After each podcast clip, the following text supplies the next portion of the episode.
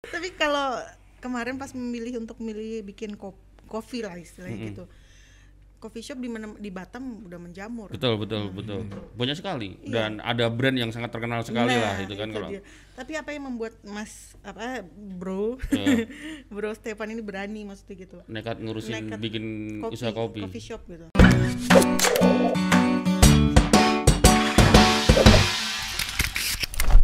Yang oh yang buat berani. Iya. Eh, Di luar banyak kan banyak Kan di sini banyak pesaing. ini di Banyak, Batam tuh. Banyak sekali tuh. banyak banget parah. Mm. Padahal nggak cinta kopi juga kan? Cinta aku Oh, sehari cinta bisa ya. bisa 5 6 cangkir Ah, sehari. gitu. Nggak bisa bikin kopi Nggak belum bisa tentu. bikin- Oh, oh, iya. Nggak bisa bikin Mm. tentu. Termasuk saya. Maksudnya aku sukanya udah pede banget nih kopi gue bakal laku nih gitu. Mm, mm, mm.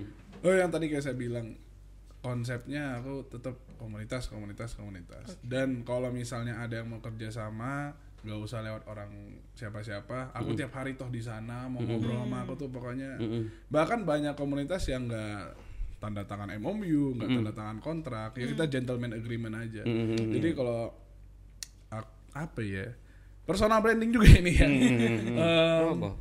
aku dekatkan diri pada customer. Oke. apalagi dulu setahun pertama itu kalau misalnya tiap ada customer udah aja ngobrol aja gitu Hmm. ya sebenarnya nggak ngenalin juga aku ownernya enggak cuma ya kayak kadang sekarang sekarang ya orang tahu sendiri jadinya. Soalnya aku hampir tiap hari sih sebenarnya di situ. Mau cuci piring iya. Ngepel nyapu iya. Gitu. Dulu waktu pertama di situ emang dia so ini banget apa ramah gitu. Gimana Mbak? Iya. Ditanyain. Kurang apa kopinya? udah kayak pramugari berarti ya Harusnya jawabnya kurang banyak. Ini ditambahin. Iya, tapi Iya, iya. ternyata itu ini juga ya, kena juga ya di customer ya. dan lebih ke tempat nyantai sih Iya. nyantai nggak gimana gimana harga juga eh, jauh beda sama yang lain cuman sekarang beberapa kafe juga udah ngikutin harga kita Iya. Kalau dulu pas awal buka itu kayaknya nggak ada yang harga 17.500 tuh nggak ada cuman kita aja dulu harganya 17.500 17.500 Kopinya ya. kopinya enggak itu minuman blendednya Oh, kalau blended. kopinya malahan 10.000 kopi hitam Oke. jadi kayak kok masih sepi ya Oh, masih dulu sepi. kok masih sepi ya gitu Mm, Tapi sekarang rame. Kalau ini berapa nih bro? itu dua puluh 20.000. ribu Dua puluh ribu. dua puluh ribu Murah. 20.000. Pantasan rame nih sekarang nih. Jadi yang di kopi itu murah. Jika Tapi nggak murahan. Tapi nggak murahan. Ya kenapa? Rasa. Ya kopinya aja dari Bonana. Bonana. Nggak nggak kopi asal-asalan. Udah dipastiin kopinya dari Bonana. Iya kalau nggak enak di G Coffee ya yang nanti taruhannya Bonana loh. Iya ya. Iya. Tanggung jawabnya ke situ juga pasti. iya iya Kan udah sepanjang ini Januari sampai bulan Maret satu tahun udah Hmm. balik belum ya modalnya? Mm-mm. sebenarnya eh, tahun ini seharusnya balik Seharusnya. ya. tapi lagi-lagi gara-gara Oh. covid 19 Oh ini ini belum belum balik modal ya? belum karena eh, awal buka juga setengah tahun kan sepi Oh, yang oke, saya oke. bilang tadi Heeh. Eh, s- setengah tahun ke depannya itu rame oke stabil begitu kita masuk tahun mau masuk tahun kedua itu oke tuh sampai Maret. Maret bahkan udah awal. Kita kan kalau nggak salah tutup itu sebelasan Maret. Hmm. dari tanggal 1 sampai 10 tuh udah rame banget udah enak banget. Jadi mikir wah ini bulan tahun ini enak banget nih udah balik modal udah plong lah. Mm, mm, mm, mm. ya covid 19 karena ada Iya, beberapa orang di negara lain makan kelelawar kita Iya. kena dampaknya. Kirain Gara-gara kelelawar.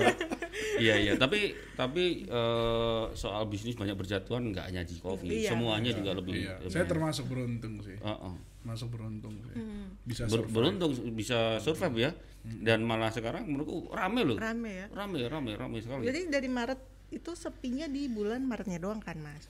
oh enggak Maret April Juni mulai oke April paling parah Oh April paling parah. wah Kok April paling parah? waduh Karena bulan Ramadan ya. Oh, iya, kalau nggak salah. April pertengahan Iya, April, iya, kayaknya iya Mei iya pas Mei puasa. Lebaran kan? Iya iya pas puasa juga ya. Mei udah setelah lebaran tuh udah mulai oke Udah Oke, setelah Lebaran di Mei oke. ya. Wah April tuh hancur jor-joran Hmm. parah nangis Iya, darah iya, iya, iya, iya. Berarti di situ karyawan mulai dikurangi. Omset sampai berapa itu? Kalau nanya, maksudnya maksudnya waktu sepi-sepinya itu omset berapa? Kalau sesuai judulnya kan dua puluh ribu nih. Beneran itu? Beneran. Dan sebenarnya nggak dua puluh ribu mas. Sebenarnya paling parah tuh lima belas ribu. Heeh. Dua puluh ribu itu. Jadi hari H ada dua staff yang masuk. Oke oke. Supervisor lagi libur. Mm-mm. Ke J Coffee. Mm-mm. Belum ada penjualan. Mm-mm. Belum ada bang. Mm-mm. Ya udah patungan. Hari ini nggak boleh kosong. Kita beli minuman di sini. Dua puluh ribu tuh dari itu. Oh dari sendiri juga Dari sebenarnya. sendiri juga. Dan aku aku baru tahu ya kemarin kemarin baru kasih tahu. Aku kirain oh dua puluh ribu ada yang beli gitu ya. Heeh. Itu dua puluh ribu tuh terparah ya dari situ. Sebenarnya kalau yang benar-benar customer pure beli itu sehari ada lima belas ribu. Itu paling parah. Cuman ya sebenarnya yang paling parah dua puluh ribu ini karena kocek Iya. staff sendiri.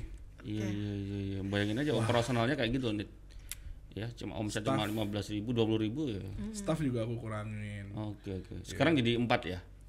Eh sekarang kemarin sempat masih tujuh, Heeh. cuman eh, shiftnya aja dikurangin. Oh. Jadi mereka sebulan cuman kerja enam hari, Oh, tiga hari mau nggak gitu. mau kan. Oh, iya iya iya. Sekarang sisa empat, eh, sama aku sisa empat.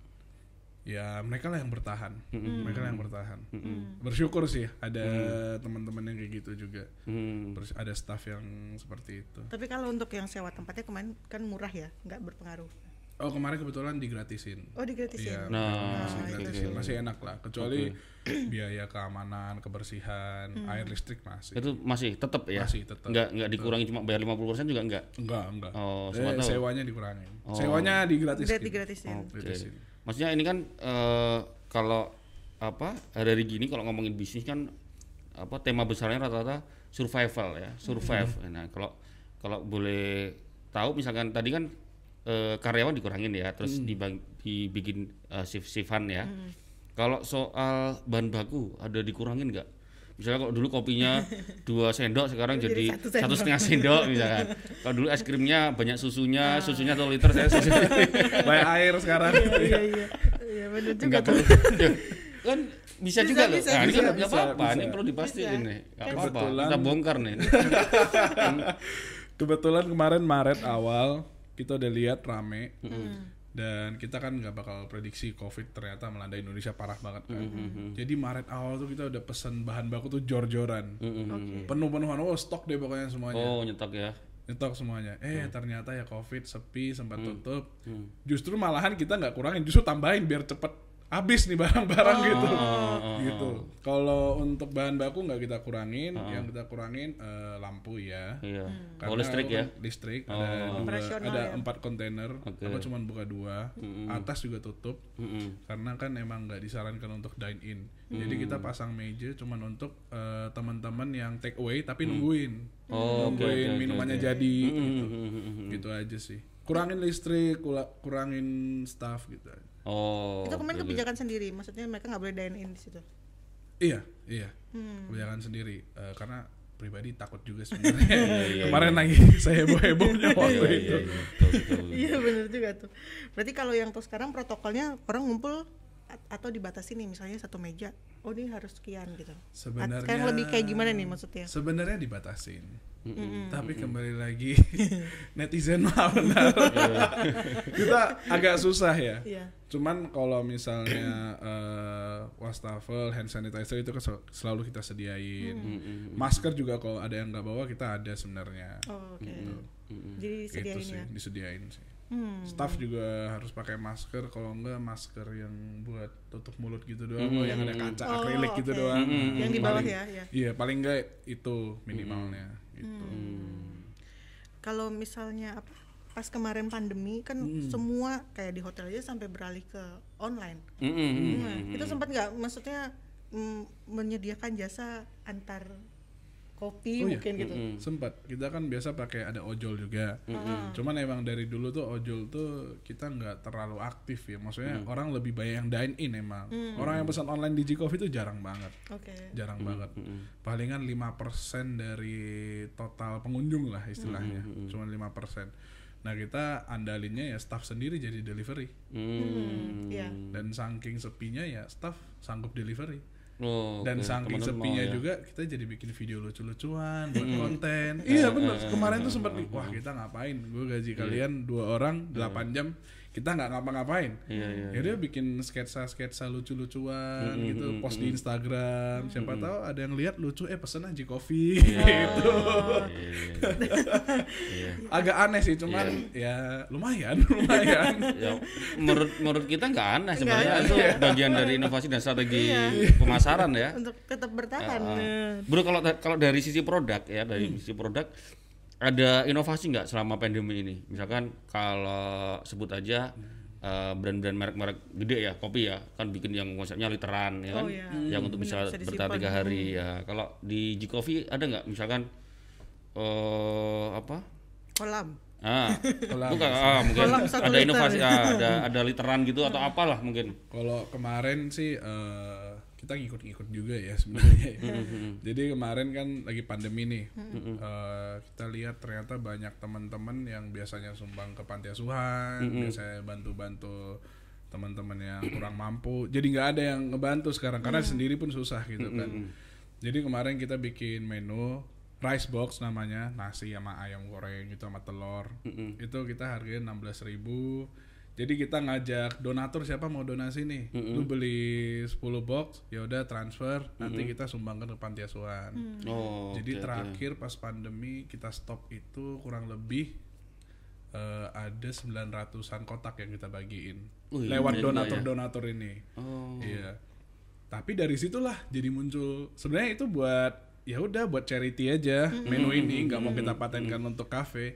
Ternyata banyak request. Mm-mm. Oh Oke, ya udah. Jadinya sekarang rice box ada di menu. ada di Gitu, menu Ada di menu. oh, Wah, itu iya, iya, ini iya. ya. dan harganya masih enam belas ribu tadi Masih masih 16.000 ribu, Oh. masih 16.000 ribu. mantap Jadi kepikiran ide karena kemarin covid, wah orang susah juga, Iya, duit iya, tipis iya, juga. Pasti kalau misalnya mau makan pasti cari yang murah. Mm-mm. Ya udahlah, bikin yang di bawah 20.000 ribu, 15.000 ribu, 16.000 ribu. Oh ya udah harganya cocok nih. Oke. Iya, iya, iya. Gak bisa Kemarin kalau nggak salah ada kurang lebih 15 panti asuhan. Mm-mm. Paling jauh tuh kita antar ke Nongsa. Paling dekat ya Bengkong Sadai. Hmm. Racebox 16.000 ribu itu isinya apa ya? Nasi, ayam goreng, sama telur. Oke. Iya. Iya beda banget loh ini pak Raceboxnya. Oke. masuk unit Ya itu makanya saya bilang Oh. Racebox kok 16.000 ribu ini isinya apa? Gitu. ya itu buktinya ada. Ya coba aja ke cuma Penasaran coba dulu. gitu apa Ya, cuma tadi aku bilang perencana budget tuh harus bagus. iya iya iya iya. Bro apa eh, selama mengelola bisnis Coffee ya mengelola bisnis kafemu ini eh, kesulitan terbesar apa selama ini? Maksudnya dalam mengelola ini? Selain anu ya selain karena ini kan banyak faktor eksternal karena kondisi karena covid ya Pandi- nah pandemi, mungkin ya. pengelolaan bisnisnya apa selain ada masalah-masalah yang paling sulit apa Aku paling sulit sih secara internal eh, staff, human human resource ya. Malah staff. paling sulit ya, menurut aku ya? itu. Iya. Kalau faktor eksternal menurut aku masih bisa kita akal-akalin. Tapi staff kalau itu gimana internal- maksudnya gimana staff itu gimana Jadi mungkin ini keperibadian, kepribadian aku yang beda. ya. Jadi dari dulu itu pas eh, kalau di perhotelan kan agak keras, apalagi dapur. Mm-mm, Didikannya keras. Disiplin banget. ya, omong Oh, udah disiplin kayak banget. militer. betul betul Aku tuh em, dari magang, dari masih kuliah di Jakarta, magang sampai kerja terakhir di Australia. Chef aku pasti orang Perancis. Oke. Bos aku pasti orang Perancis dan orang Perancis kan keras, Iya, arogan. Mm-mm.